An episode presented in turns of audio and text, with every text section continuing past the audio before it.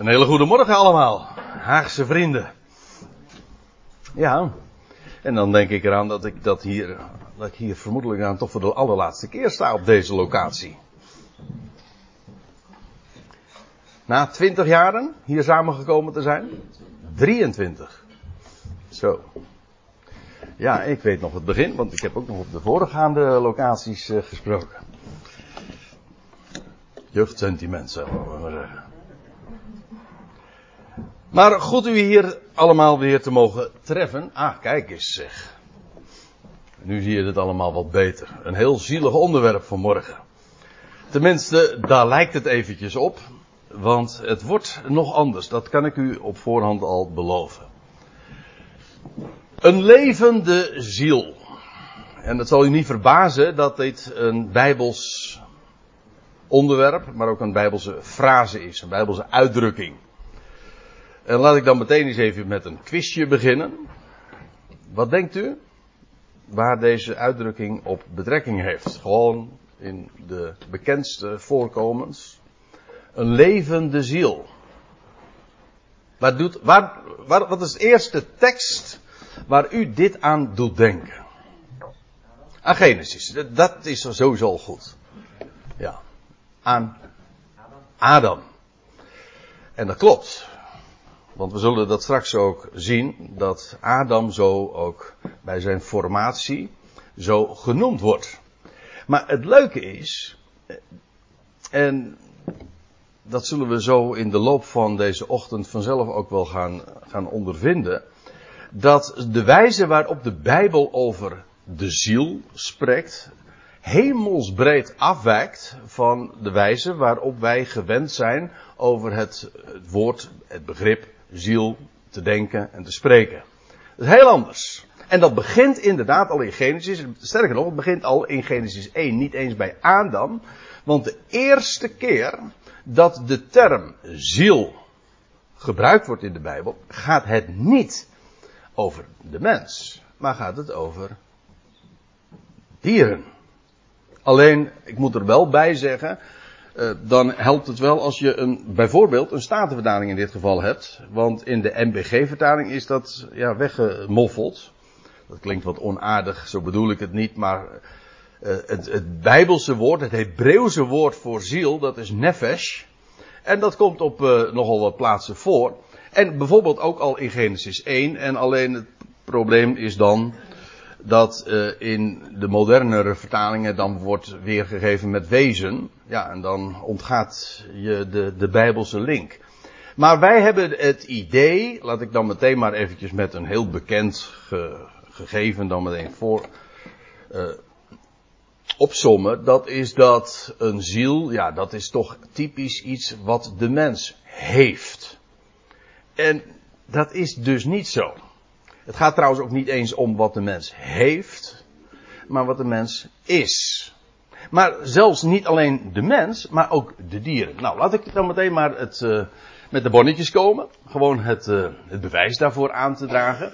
In Genesis 1, het is een wat letterlijke weergave die uh, aansluit bij die, deze woord voor woord weergave, zoals u ziet. De eerste regel is uiteraard het, het Hebreeuws. Nefesh wordt hier ook uh, daar wordt over gesproken. En in Genesis 1, daar lees je in vers 20, en God zei, dat gaat, dat is de beschrijving van de zes dagen, waarin God aan Adam ook vertelt over de schepping. En God zei, laat de wateren krioelen, of wemelen, uh, van het gekrioel van de levende ziel. En laat wat vliegt vliegen over de aarde langs het uitspansel van de hemel. En dit is de allereerste keer dat het woordje ziel, nefesh, gebruikt wordt in de Bijbel. En wat blijkt, dan gaat het over de vissen. En we zullen trouwens ook nog zien, het gaat ook over dieren in het algemeen. En je ziet hier trouwens ook al dat ziel kennelijk een aanduiding is van ja, dat wat krielt, zo wordt het hier ook uh, genoemd, wat, wat wemelt, wat daarmee dus ook beweegt. Levende ziel, dat is dat wat beweegt, wat krioelt, wat uh, zich voortbeweegt. Uh, wij denken bij krioelen vooral ook aan, aan massa's van wat door elkaar allemaal heen beweegt. Maar in ieder geval, het idee is vooral, het fundamentele idee, is dat van bewegen. Ik lees nog even een eh, tiental versen verder. Ondertussen is trouwens het woord geloof ik nog een keer gevallen, maar daar staat er in vers 30. En aan elk dier van de aarde, dus niet alleen maar de vissen, en aan elk, aan elk wat vliegt van de hemel, en aan elke kruiper op de aarde, dat dus dat wat op de aarde kruipt, dan denk je meer aan de reptielen, waarin levende ziel is. Weer die uitdrukking, ziel, ja ook levende ziel. De dieren, de vissen, gewoon in het algemeen worden zielen genoemd. Dat is gewoon bijbels spraakgebruik, het bijbelse woordenschat. Daar, komt trouwens nog iets bij, en nou blader ik meteen eventjes door. We gaan straks weer terug hoor, naar het boek Genesis. Maar er komt nog iets bij, en dat is dat ziel ook nog wat specifieker gedefinieerd wordt. In, uh, maar dan komen we in het Bijbelboek Leviticus. En daar staat er in vers 11 van het 17e hoofdstuk. Want de ziel van het vlees, dat is in het bloed. En dan zegt de Heer er tegen Mozes en daarmee ook aan Israël bij. Ik heb het jullie gegeven om op het altaar als een beschutting, als de meeste vertalingen spreken dan over een verzoening, een bedekking te maken over jullie zielen. En u weet, in de hele tempel, in de tabernakeldienst, spelen offers, bloedige offers, een grote rol. Het bloed dient, staat hier ook, ter bedekking. Dat is een heel verhaal apart en dat is uh, natuurlijk een heel belangrijk Bijbels onderwerp. Daar gaat het me nu even niet om. Het gaat erom wat die, waarin die ziel gelegen is. Eerst zojuist zagen we al van, nou, ziel is dat kennelijk wat, wat krioelt, wat beweegt. Hier zien we het nog wat specifieker. De ziel van het vlees, gewoon het lichamelijk materiaal, zeg maar, waar u en ik en gewoon alles wat leeft is opgebouwd. Dat is gelegen in het bloed. Er zijn nog wel meer bijbelse aanwijzingen, maar nergens staat dat zo helder als in dit vers. De ziel is in het bloed. Die moeten we even vasthouden, want dat is een lijn die we ook uh, straks weer bevestigd zullen vinden. En je ziet daarin trouwens ook nog een ander ding, want ik, ik had het net over nou eigenlijk al wat leeft, maar dat is niet helemaal waar, want planten zijn geen zielen. En wat we nu al eventjes zo in dat korte rijtje hebben kunnen vaststellen, begrijp je ook meteen waarom. In de eerste plaats, planten die staan vast. Nou ja, nou ga ik u zeggen van ja, maar je hebt toch ook wandelende takken. Ja, maar dat is weer even een verhaal apart. Dat zijn, dat zijn beestjes, ja, dat zijn dieren.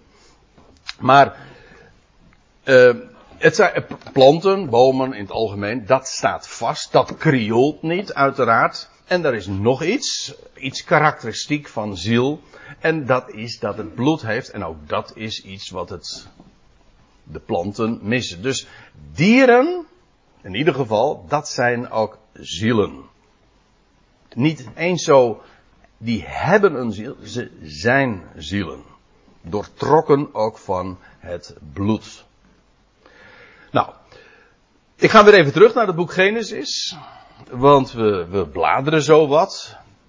eigenlijk in een soort uh, in een concordantie, in een trefwoordenregister. En ja, waar komt dat woord ziel? Gewoon zoals dat in het origineel gebruikt wordt. Waar komt dat voor? En de bekendste is ongetwijfeld deze. Uh, Genesis 2, vers 7. En Yahweh, God, de Heere God, formeerde de mens uit de aarde, uit de losse aarde, dus de bovenste aardlaag, de, de losse aarde van de aardbodem. En dan staat er, en blies in zijn neusgaten de adem van leven. Alzo werd de mens een levende ziel. Dat is opmerkelijk. Hier gaan we dus terug naar, ja, naar onze roots naar Adam, inderdaad, ons aller voorvader. Zijn allemaal Adamieten. En hij is, hoe dat gegaan is, dat wordt verder niet gezegd. Nou ja, behalve dan in deze sumiere bewoordingen. We zijn gemaakt uit, uit de bovenste laag van de aardbodem. En dat, nou ja, dat uh, lijkt me duidelijk. Uh, dat is gewoon wat de mens is. Gewoon genomen uit het materiaal van de aardbodem. Daar keren we trouwens ook weer naar terug. Dat wordt er ook in het boek Genesis gezegd. Je bent uit de aardbodem genomen en je keert ook weer terug tot de aardbodem. En dan ben je weer terug bij af. En dan, hè, dat noemen we dan de circle of life. Hè. Je bent weer terug dan bij af. Het is bijzonder wat hier ook over die, die mens gezegd wordt. Hij is genomen uit de aardbodem. En vervolgens is daar levensadem in zijn neusgaten ingeblazen. God, eigenlijk is het ook zo, dat is wel uh, apart. Ons woordje inspiratie betekent eigenlijk letterlijk ja, dat in, ja, dat is uiteraard een voortzetsel, maar dat, uh, dat spirit, spiratie, dat wil zeggen dat de geest ingebracht wordt. Maar geest in de Bijbel is eigenlijk synoniem met met, met adem. Zelfs ook met wind. Dat is heel bijzonder, want in het, uh, het, het Hebreeuwse woord voor geest, dat is ruach, maar het is ook het woord voor wind. En het is ook het woord voor, gewoon, het is eigenlijk in beweging gebrachte lucht. En dat is wat je niet kunt zien. De effecten ervan kun je wel waarnemen. Hè? Denk maar aan bladeren die je ziet bewegen van de boom. Ik bedoel, de, effecten van wind en lucht die in beweging is, kun je zien. Maar zelf is het onzichtbaar. En dat is ook type, typerend voor geest. De effecten kun je ervan waarnemen. Doet, me, doet ook een beetje denken aan uh, andere dingen die, bijvoorbeeld elektriciteit. je kunt, de effecten ervan kun je waarnemen. Maar aan zich is het onzichtbaar. Het is power, het is kracht. Maar om even terug te komen bij dat inspiratie. God inspireerde feitelijk dat materiaal wat hij uit de aarde genomen heeft. De mens. Alle ins en outs doen eigenlijk niet ter zake. Het wordt eigenlijk heel sumier beschreven. Maar de mens is uit de aarde genomen, geformeerd. En daarbij is die geïnspireerd. Dat wil zeggen, er is ingeblazen. En als God inblaast, dan betekent dat dat ook leven, ma levend maakt. Dat is ook uh, wel mooi als je eraan denkt, want wij gebruiken het woordje inspiratie als we het hebben over de Bijbelse dingen, heel vaak over ja, de schriften, hè, de woorden van de schrift. Zo wordt dat ook in, uh, door Paulus gezegd in, in de Timotheusbrief. Alle woorden Gods zijn uh, God geblazen, staat er letterlijk dan. Het betekent dus feitelijk geïnspireerd. Dat wil zeggen, uh, ze zijn door God beademd. En daarmee ook levend. Het is levengevend woord. Als God blaast, dan gebeurt er wat. Hij produceert dan leven. Nou, de mens is uit de aardbodem genomen. En al zo. En eh, nee, pardon. Uh, hij, hij, werd uit de aardbodem genomen. Maar vervolgens werd er levensadem, de adem van leven, in hem geblazen. Dat heet dan in het Hebreeuws, misschien kent u dat woord neshama wel. Dat is een uh, wat mysterieus begrip. Maar dat is wat de mens heeft. En dat is het leven. En feitelijk uh, zou je dus kunnen zeggen, als je het wat, wat wiskundig zeg maar zou willen formuleren, als in een formule willen onderbrengen. Een levende ziel, dat is een lichaam. Ja, maar meer dan dat. Uh, het is plus de adem van leven in de neusgaten. Dus op het moment, het is eigenlijk wel mooi als je er zo ook over denkt. Een, ja, wat is, wanneer is de mens een levende ziel? Op het moment dat je gaat ademen. Eigenlijk dus daarmee ook vanaf de geboorte. Voor de geboorte uh, is er natuurlijk wel sprake van leven, maar dan is, nog het, dan is nog helemaal het leven van de moeder. Ik bedoel, een, een, het, on, het ongeboren leven, dat ontvangt de adem, het lucht, via de navelstreng. Dat wil zeggen, de moeder ademt en maakt het nog helemaal deel uit van de moeder. Pas op het moment dat het geboren wordt en krijgt een tik op de billen en het begint te ademen, dan, ja dat is de eerste keer dan, dat dat uh, dan plaatsvindt en dan begin je meteen te huilen natuurlijk. Hè? En, maar dan worden de longen geactiveerd, dan krijg je de levensadem. En dan, dus feitelijk, een levende ziel, dat is dat wat geboren is. Dat is apart hoe dat ook bij ons nog ja, voortleeft in allerlei gebruiken, gezegdes ook. wij, wij, de leeftijd rekenen we niet vanaf de conceptie, nee, vanaf de geboorte. Dat is terecht. Dan vanaf dat moment dat je geboren wordt, begin je zelfstandig te leven. Ben je een levende ziel. En dan begrijpt u ook misschien die uitdrukking dat het leven begint bij de 40. Ja, dat uh, heeft niks te maken met 40 jaar, maar het heeft te maken met de, de, de lengte van de zwangerschap. Dat wil zeggen, wij rekenen meestal in maanden, maar als je het in weken uitdrukt, iets preciezer, dan krijg je 40, de menselijke zwangerschap duurt 40 weken. En na de 40 weken wordt een mens, normaal gesproken dan, geboren. En dan, dan ga je de tijd van leven, de leeftijd rekenen. Dat gaat allemaal eigenlijk al terug naar Genesis 2, vers 7. Maar een, de mens heeft dus niet zozeer een ziel. De gedachte is niet helemaal zo onbijbels als dat ik nu misschien uh, de indruk wek. Maar het, de, de, de, strikt genomen, gewoon vanaf het begin, dat bedoel ik vrij letterlijk zoals ik het nu ook zeg, is de mens een ziel. Ja, is de mens een ziel, zo moet ik het zeggen. Niet hij heeft een ziel, dat, is, dat gaat terug, die gedachte gaat weer terug op de Griekse filosofie, niet op de Bijbel. De Bijbelse gedachte is, een mens is een ziel en dat heeft die, en dat uh, deelt hij ook met, ja, met het, de hele dierenwereld. Hij heeft namelijk bloed, hij beweegt en dat maakt hem ook een levende ziel. Je begrijpt trouwens ook dat als je het hebt over een levende ziel, dan bestaat er kennelijk ook zoiets als een dode ziel. En waarachtig, dat is ook zo. Ook dat vind je in de Bijbel. Ik geef één voorbeeld, Leviticus 21. Dan gaat het over de hoge priester. Dan staat er, hij zal ook niet binnenkomen. Dat wordt in het algemeen trouwens ook over de levieten, geloof ik, gezegd. Over de priesters. Hij zal niet binnenkomen bij dode zielen. U zult het in de NBG-vertaling niet tegenkomen, want dan wordt het gewoon gezegd van bij doden of uh, bij een lijk.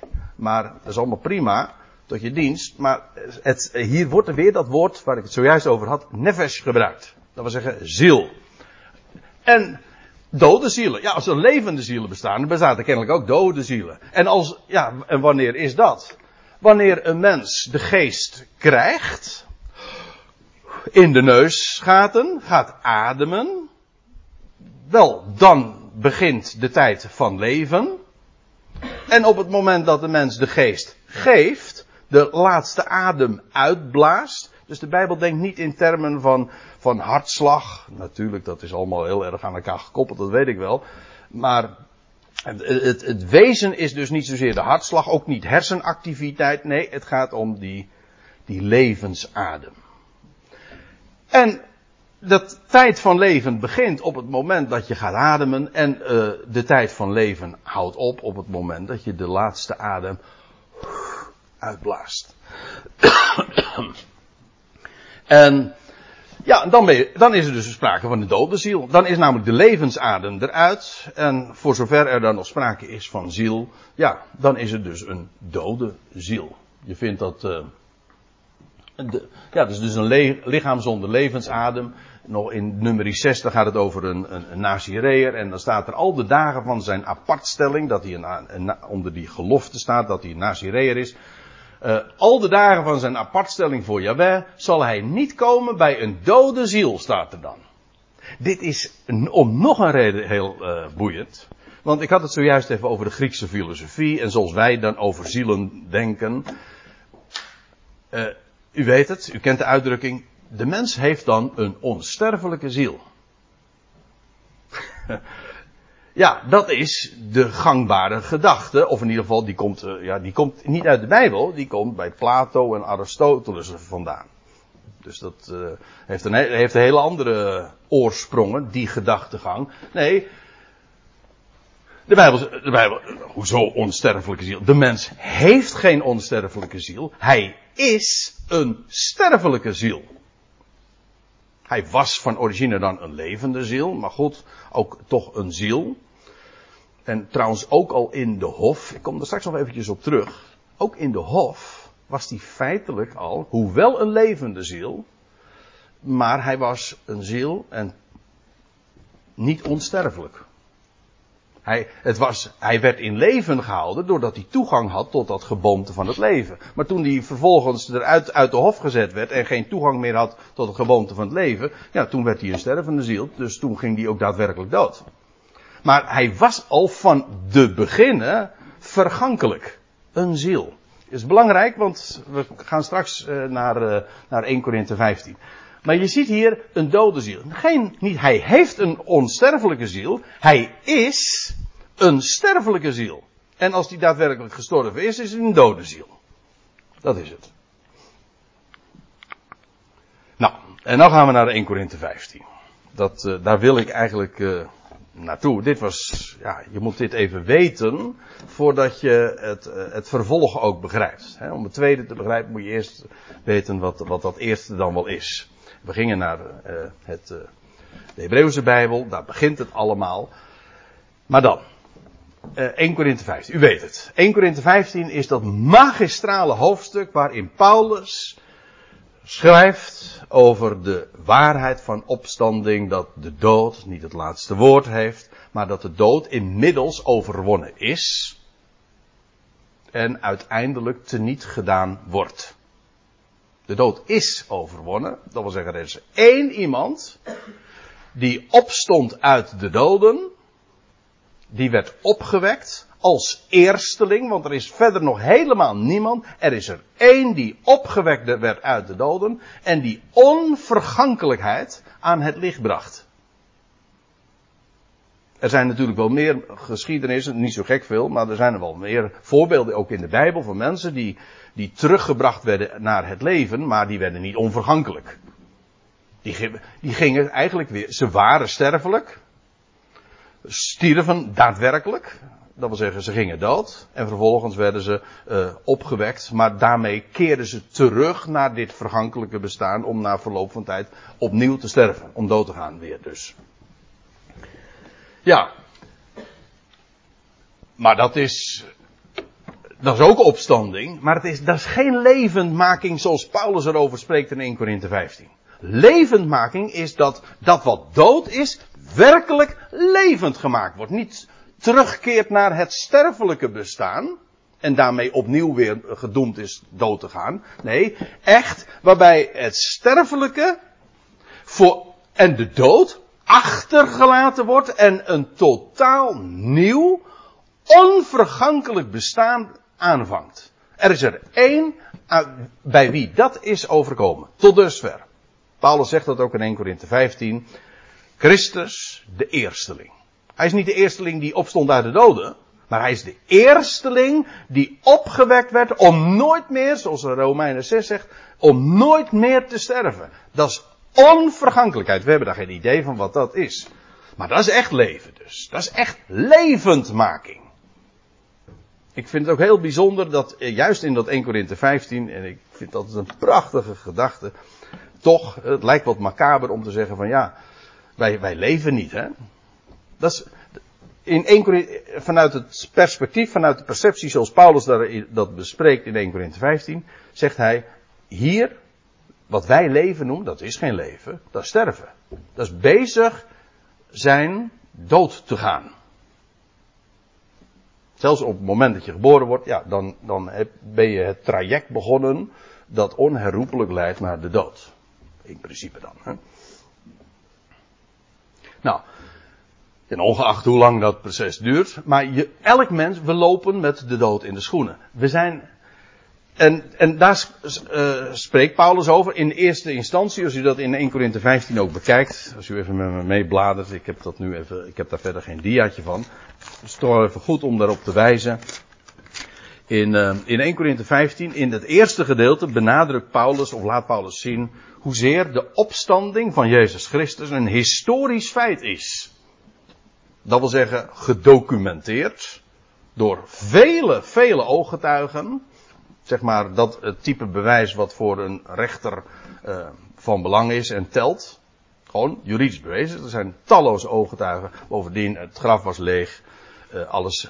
En het was ook, en dat is ook iets wat Paulus dan benadrukt. Het was ook tevoren aangekondigd en zelfs uh, dat het zou gebeuren, wanneer het zou gebeuren en zelfs waar het zou gebeuren.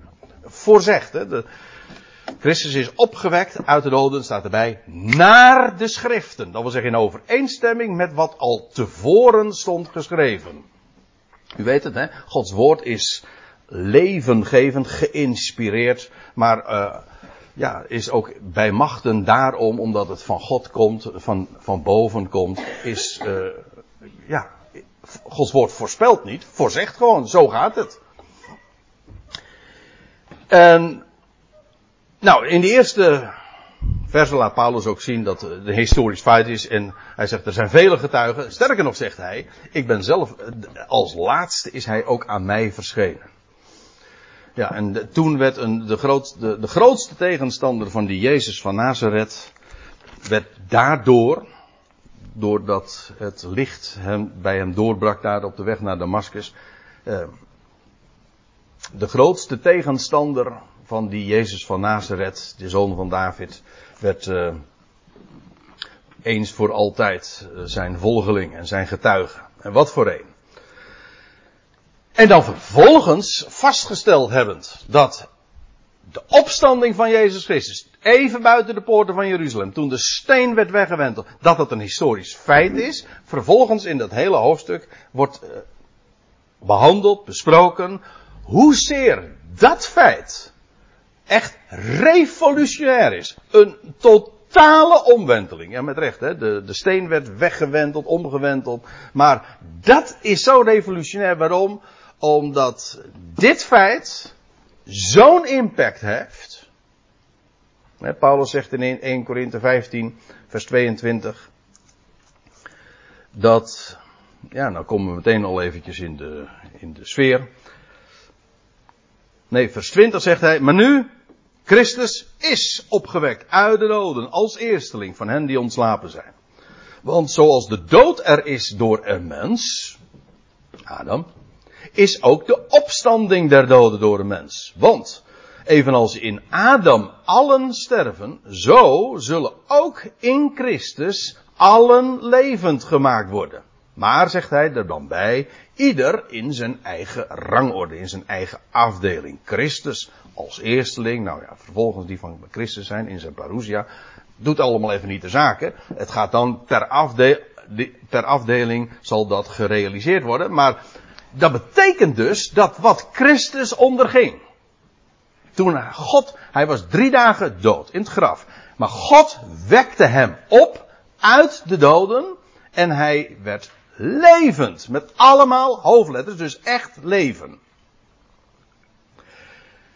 En dat feit, 2000 jaar geleden, is bepalend en karakteristiek voor de toekomst van heel de schepping, maar specifiek ook hier voor heel de mensheid. Dat is zo geweldig. Dat leven wat die mens, die ene mens aan het licht bracht, heeft zo'n geweldige impact. Nou, nou sla ik weer een heleboel versen over en dan komen we bij vers 43, want ik kan me voorstellen dat u nu even denkt van ja, wacht even, dat is wel mooi wat je zegt, maar wat heeft dat nou met die ziel te maken? Nou, wacht even. Uh, ik begin dan te lezen in vers 43. Er wordt gezaaid in oneer. Moet ik even, misschien even toelichten. Uh, waar Paulus het hier over heeft, is over, ja, over u mij, als. En op, op, er komt een moment dat de mens inderdaad weer terugkeert naar de aarde. Wordt hij begraven. Prachtig Bijbels beeld natuurlijk. Een begrafenis is, is een symbool van zaaien. Wat een boer doet als hij zaad strooit in de aarde. Dat doet hij namelijk in verwachting in verwachting dat dat zaad opkomt. Ik vind is een, een wonderbaarlijk proces, maar ja, dat is ook het leven. Het is nu herfst, alles valt af, alles sterft. Maar je weet, na verloop van een paar maanden, eh, komt eh, de, ontluikt de natuur, overwint uh, het leven, de dood. Er wordt gezaaid in oneer, dat wil zeggen, de mens die sterft in oneer. het is, uh, ja, zoals Paulus dat hier ook neerzet, is zo uh, ja, trefzeker. Oneer wil ze ook zeggen zonder heerlijkheid, ontluisterend. Het hele proces dat een mens ondergaat, is er ook van uh, ja, afnemende heerlijkheid. Hè. Het is opgaan, bloeien. Hè. En dan is een mens op zijn mooist, zeg maar. En dan krijg je weer, dan, is de, dan ga je weer over de top. Nee, Petra, je moet niet zo lachen.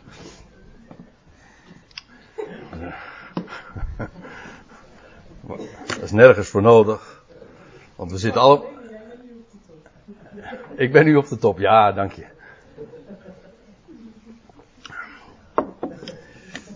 Ik vrees dat ik er alleen al, uh, al enige tijd, uh, geruime tijd aan de afdaling bezig ben. Maar we hebben het ermee te doen. Maar dat is een proces van ontluistering. Hè? De allerlei lichaamsfuncties uh, worden minder of vallen uit.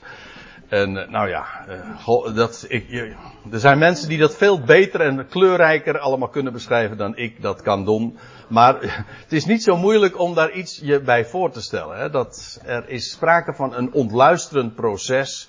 En vooral, ja, als dat dan, nou word ik het toch nog wat serieus. Als dat eenmaal terminaal is, dan is dat echt ook uh, dan is het maar niet een kwestie van dat je doodgaat, dat er een einde aan komt, maar het hele, die weg er naartoe is ontluisterend.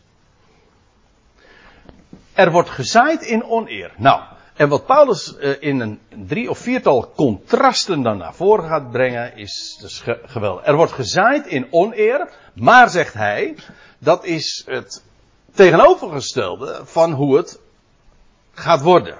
Dat is, kijk, het wordt vergeleken met zaaien, in de aarde toevertrouwen. En dan gebeurt er iets wat geen mens kan begrijpen. Namelijk dat zaad dat sterft af. Dat, dat, wordt dat ontbindt. Ja, maar dat, daar komt iets totaal. Er wordt een korrel. Ook dat wordt door Paulus uh, dan uh, uitgelegd. Er wordt een korrel in de aarde ge, gestopt. Er komt, er, komt er geen korrel uit. Nee, er komt iets anders uit. Nou ja, dat lag al wel vast in die korrel. Allemaal, dat, dat is waar. Maar er komt iets veel groters. Uh, komt er vervolgens uit. Nou, er wordt gezaaid in oneer. Er wordt opgewekt in heerlijkheid. Ook in, waarbij het idee bij heerlijkheid ook is van, van licht. Dat is een hele mooie gedachte. Dat, uh, heerlijkheid en licht in de Bijbel uh, is uh, synoniem. Trouwens, Paulus had dat juist in het voorgaande ook gezegd. Over, had, had hij gesproken over, over de heerlijkheid van zon en maan. Dan heeft hij het gewoon over licht. Ik geloof ook dat werkelijk het opstandingslichaam lichtgevend zal zijn. Ook een, ja, wij denken, wij, kijk, wij, wij doen kleren aan.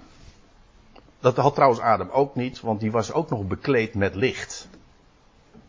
Hij was niet naakt, Nee, hij was, hij was bekleed met licht nog. Toen hij nog een levende ziel en geen stervende ziel was. Maar straks in de opstanding zal de mens ook licht. Ja, in, hij wordt opgewekt in heerlijkheid. Ik, ik geef toe, ik kan daar niet al te veel over zeggen, omdat het eigenlijk ook mijn, mijn voorstelling tart. Maar ik moet er wel bij zeggen, de, de eersteling, de garantie, die uh, laat al wel zien dat, uh, wat, wat je daarbij zou kunnen voorstellen. Denk aan Paulus zelf, hè, die, aan wie Christus verscheen, ja, in een oogverblindend licht. Een totaal andere werkelijkheid. Wordt gezaaid in oneer, wordt opgewekt in heerlijkheid. Ik kan er natuurlijk niet al te diep op ingaan. Er wordt gezaaid in zwakheid. Er wordt opgewekt in, in dyname, in, in kracht, in vermogen.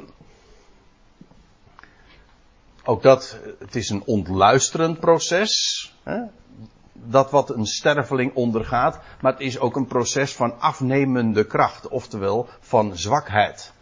Maar daar staat tegenover dat lichaam. Waar dat opgewekt zal worden. Dat heeft zo'n ons, ontzaglijk vermogen. Terwijl dit zielse. Uh, dit lichaam nog gekarakteriseerd wordt door onvermogen, door zwakheid, zelfs ook door toenemende zwakheid, hè, of afnemende kracht, zo zou je het ook kunnen zeggen. Maar er wordt opgewekt in vermogen. ja, er is er maar één die dat natuurlijk zo gearrangeerd en, uh, heeft en ook zo regisseert. Er wordt, en nou komt het. Er wordt een zielslichaam gezaaid. Er wordt een geestelijk lichaam opgewekt. Een zielslichaam.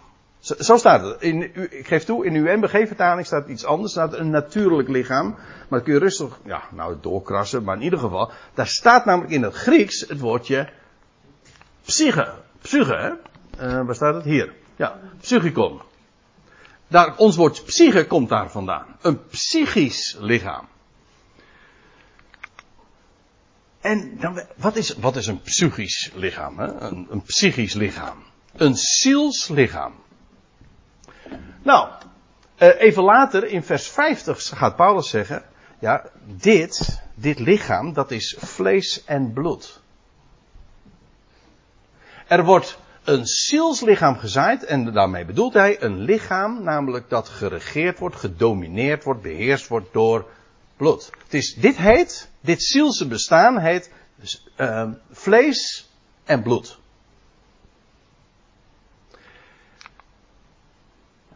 Er wordt een geestelijk lichaam opgewekt. Dus een zielslichaam wordt uiteindelijk gezaaid in de aarde. Er wordt een geestelijk, en dat wordt in het Grieks het woordje, kennen we ook allemaal, psychisch, maar ook pneumatisch. Er wordt een pneumatisch lichaam opgewekt. Dat wil zeggen, dat lichaam is niet, wordt niet meer beheerst door ziel, maar door pneuma door geest. En ja, God, denk daar eens over na. Ik geloof ook bijvoorbeeld, uh, dat op, om deze reden, dat het opstandingslichaam niet, uh, ge geen bloed meer zal kennen. Vlees en bloed zullen het koninkrijk Gods niet beërven. Dit is een, zielslichaam. En de ziel van alle vlees is in het bloed. Maar er wordt een pneumatisch lichaam opgewekt. Zou het zo zijn, ik geef toe, ik zit nu even te fantaseren, maar ik probeer het gewoon inhoud, eh, ik probeer het uh, wat concreter te maken. Zou het zo zijn dat onze aderen dan niet meer gevuld worden door, door bloed, maar door pneuma, door geest. Ik denk het. Niet meer een lichaam dat beheerst wordt door ziel, maar door geest. Door werkelijk geest. Uh, kunnen we ons nu ook niet voorstellen ik, dat je nu met je geest, uh, je denkt met je geest, uh, aan, ik wil gaan naar New York, maar ja, dat, dit lichaam is gebonden aan. Maar het opstandingslichaam, dat lichaam van de heerlijkheid niet meer. Dat je geest, wat, hoe komt dat? Dit lichaam is gebonden, hè, zoals een rups, hè, aan de aarde. Het zit eraan vast. Maar het opstandingslichaam, de vlinder om zo te zeggen, de volgende fase, die kent die beperkingen niet meer. En dat zal beheerst worden door geest. Ja, dat is een, dat is toch een, geweldig idee. Ik bedoel, vergis je niet. Ik bedoel, we kunnen ons al, al zo verschrikkelijk druk maken over een nieuwe keuken. En, uh, weet je, je, je, je hebt een nieuwe auto gekocht. Maar we hebben het nu over, over dit bestaan dat een, nou ja, een paar decennia dan voortduurt. Ja, maar dit is maar een heel tijdelijk verblijf hoor. Ons huis, dit is een tent. Het huis dat wacht. En dat is onvergankelijk. En het is toch wel erg boeiend dat we vanuit Gods woord zelf informatie krijgen over hoe dat zal zijn. Niet meer in oneer. Niet meer in zwakheid. Niet meer ziels, maar pneumatisch. Beheerst, gedomineerd door geest. Er wordt een geestelijk lichaam opgewekt. Zie je trouwens ook, dat vind ik ook zo leuk. Uh, wij denken bij ziels altijd aan, ja, goh, dat wordt dus hetzelfde als geestelijk. Ik heb dat eens opgezocht. Maar in het, uh, je hebt zo'n uh, zo'n taalwebsite waarin dingen allemaal gedefinieerd worden. Dan staat er bij het woordje psychisch en dan staat er deze definitie. Psychisch is afgeleid van psyche. Nou, dat is duidelijk. En dat is gewoon het woord ziel. Onze, maar hier wordt dan gezegd, en betekent geestelijk. En dan het tegenovergestelde van lichamelijk. Kijk, ja, als je dit nou volgt, uh, dan snap je er niks meer van. Dat wil zeggen, snap je niks meer van de Bijbel. Het zielse staat niet tegenover het lichaam. Dit is een zielslichaam. En het lichaam dat we straks zullen hebben, naar het model van Christus, dat is een pneumatisch lichaam. Niet, ziel, sta, ziel uh, is niet hetzelfde als geest, integendeel. Mensen hebben psychische problemen. Hè? En uh, willen, uh, willen daarom geestelijke verzorging. Dat, is, dat soortzelfde spraakverwarring is het. De Bijbel, het, het, woord van God staat er in Hebreeën 4, uh, is zo scherp als een tweesnijdend zwaard. Het, het scheidt van één ziel en geest. Ja, het woord van God, niet mensenwoord, maar het woord van God maakt messcherp scheiding tussen ziel en geest. Dat is niet hetzelfde. Ziels, geestelijk. Psychisch, pneumatisch. Dat zijn twee totaal verschillende orden.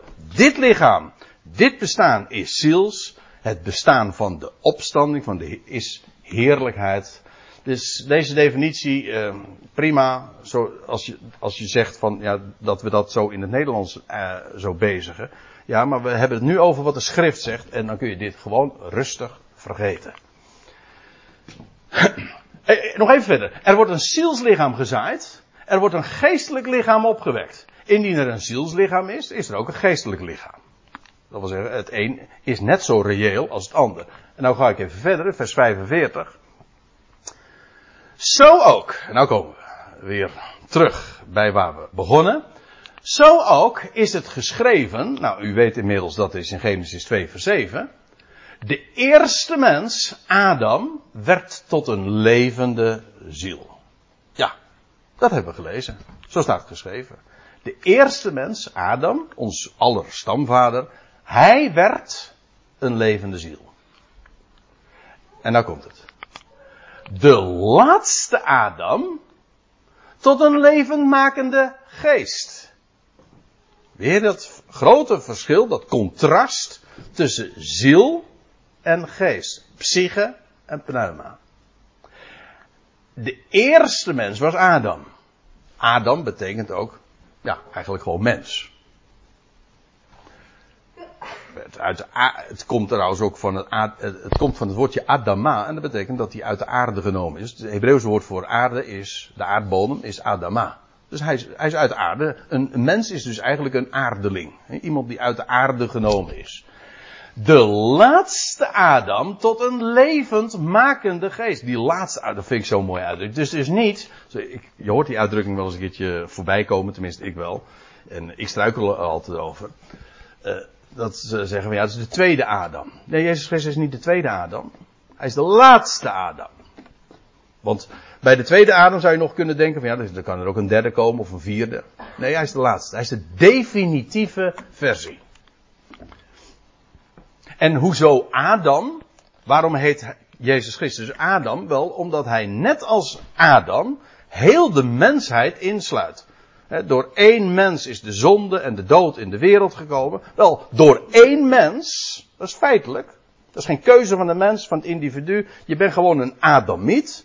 En dat bepaalt ook, je oorsprong bepaalt ook daarmee je bestemming. Je bent uit Adam voortgekomen en dus ben je een zondaar, al in de wieg en een sterveling, je gaat dood. Waarom? Wel, je bent een Adamiet, that's it. It's dead, zou ik ook kunnen zeggen onderhevig aan de dood. Wel, maar daar is die laatste Adam. De tweede mens. En hij, ja, nou ja, dat is in vers 22, Romeinen 5, dan wordt dat ook door een hele grote, lange passage door Paulus zo duidelijk onderstreept. Die laatste Adam, hij is een levend makende geest. Levend maken. Dus niet slechts levend, maar dat hij geeft leven. Zijn woord is ook leven. Je leest ook dat door Adam, door, ik bedoel, de, pardon, de laatste Adam, door Christus, door zijn machtswoord zal, zullen de doden worden opgewekt. Denk maar bijvoorbeeld aan Lazarus, toen hij zei, daarbij, op die begraafplaats waar Lazarus begraven lag, dat hij zei, Lazarus, kom uit. En Lazarus kwam uit. Dat is een type, hè? Ik ben de opstanding in het leven, had de Heer zojuist gezegd. Dat is toch geweldig. En ik heb iemand horen zeggen van, weet je waarom hij zei, Lazarus, kom uit. Dat was om te voorkomen dat al die doden daar zouden opstaan. Het, het ging om het type, het ging om het onderwijs.